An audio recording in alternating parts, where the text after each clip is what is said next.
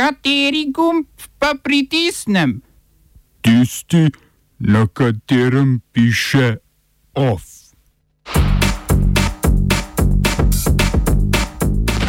Na Haitiju poleg uradnega dobili še tranzicijskega predsednika. Grčija in Izrael sklenila dogovor o prostem prehajanju meje s cepilnimi dokazili. Forum pacifiških otokov razdvaja izbira voditelja.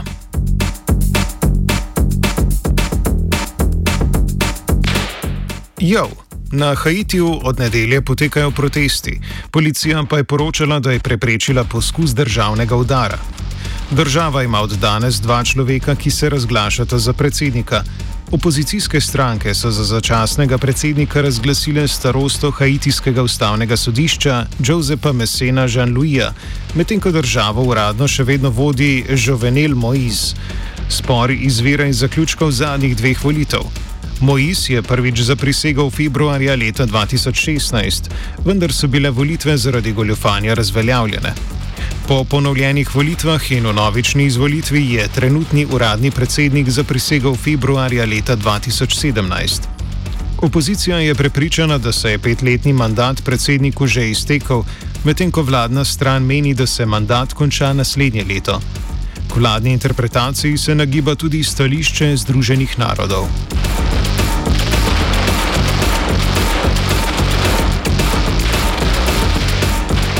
Predsedniki vseh petih otoških držav v Mikroneziji, regiji v Tihem oceanu, so sklenili, da bodo zapustili forum pacifiških otokov, katerega cilj sta politična in gospodarska integracija Južnega Pacifika. Trdijo namreč, da so jih pri izboru novega generalnega sekretarja povozili predstavniki držav iz preostalih dveh regij, Polinezije in Melanezije. Praviloma bi si morali položaj izmenjevati kandidati vseh treh regij. Letos so na vrsti mikronezici, a je bil izvoljen polinezijec in sicer nekdani predsednik vlade Kukovih otokov Henry Puna. Volitve so potekale ob močnem nasprotovanju predstavnikov Mikronezije. Predsednik Palauja pa je prepričan, da je forum organizacija, v kateri imajo predstavniki melanezijskih in polinezijskih držav nesorazmerno velik vpliv na odločanje s podporo Avstralije in Nove Zelandije.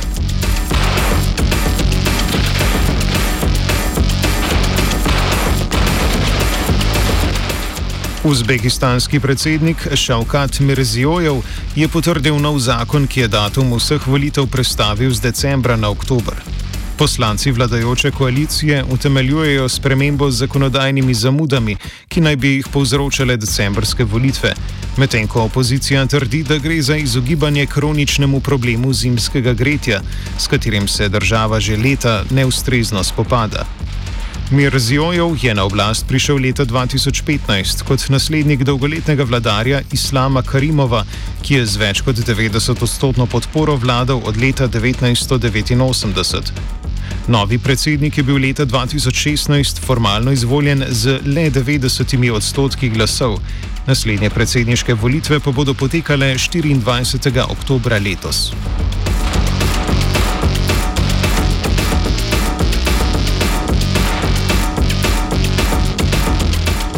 Selimo se na drugo stran Kaspijskega jezera. Azerbajdžan je na Evropskem sodišču za človekove pravice vložil tožbo zoper Armenijo. Ta je očita kršenje človekovih pravic med 30-letno zasedbo Gorskega Karabaha in v lanskoletnem spopadu za to ozemlje. V tradicionalni maniri vojaških spopadov seveda obe strani druga drugo obtožujeta kršenja človekovih pravic in vojnih zločinov, Oblasti v Erevanu se na vložitev tožbe še niso odzvale.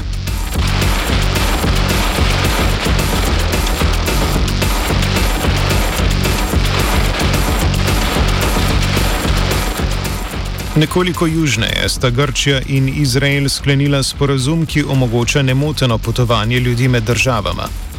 Sporazum zagotavlja popotnikom, da bodo cepilna dokazila, izdana v eni, veljala v obeh državah, kar bo po besedah izraelskega premijeja Benjamina Netanjahuja omogočilo potovanja brez omejitev in samoizolacij. Grčija si želi predvsem omogočiti prihod izraelskih turistov, še posebej, ker je Izrael že cepil 40 odstotkov prebivalstva.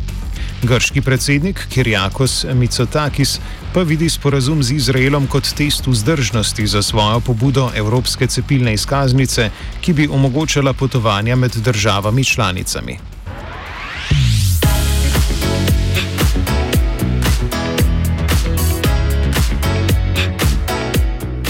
Protifašistični protestniki so vodjo španske desničarske stranke Vox Santiago Abascala napadli s sadjem, jajci in kamni. Napad se je zgodil na predvolilnem zborovanju za regionalne volitve v Kataloniji, zato je Abascal katalonsko policijo obtožil neukrepanja, proti regionalnemu ministru za notranje zadeve Mikelu Samperu pa napovedal tožbo.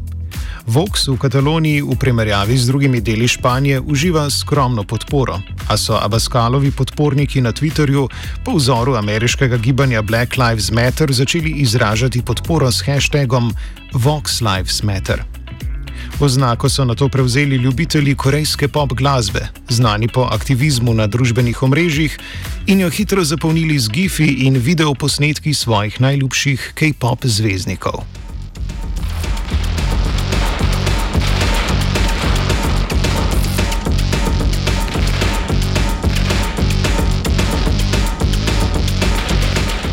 Prebivalci kraja Kozarac v Republiki Srpski, pretežno po vojni povratniki bošnjaške nacionalnosti, so protestirali proti načrtovanemu poteku avtoceste Banja Luka Prijedor.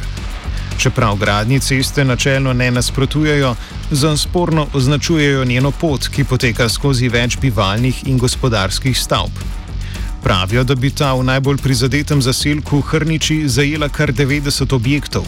Ministrstvo za urejanje prostora Republike Srpske pa trdi, da bi bilo treba na področju Kozarca porušiti le 17 stavb.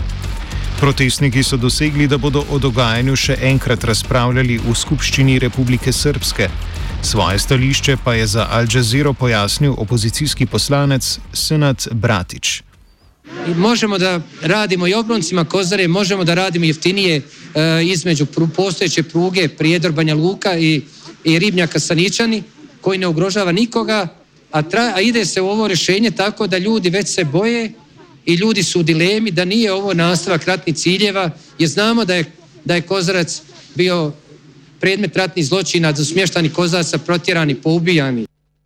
Ovo ću, bom odgovoril na angliški. Slovenija will try to help. Uh, we can. Slovenija will. Uh, and we will do our utmost to say that the situation is our problem ourselves. And uh, we will uh, make further steps as soon as the conditions are. Bomo vlado Marjana Cererja, Marjana Cererja Šarca podprli. Very, very serious. News from Slovenia. We know how and we will. Za konec še life hack dneva.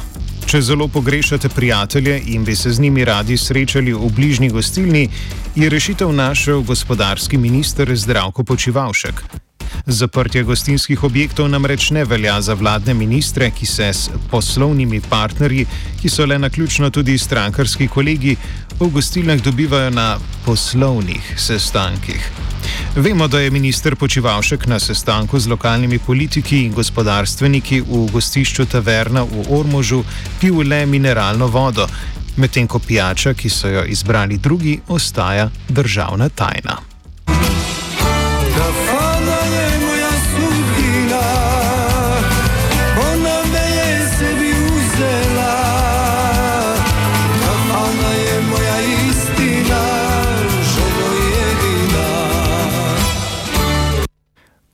Sta preko videoklica bojkotirala vajenca Dominik in Srdžan pod Virantovo strogo cenzuro.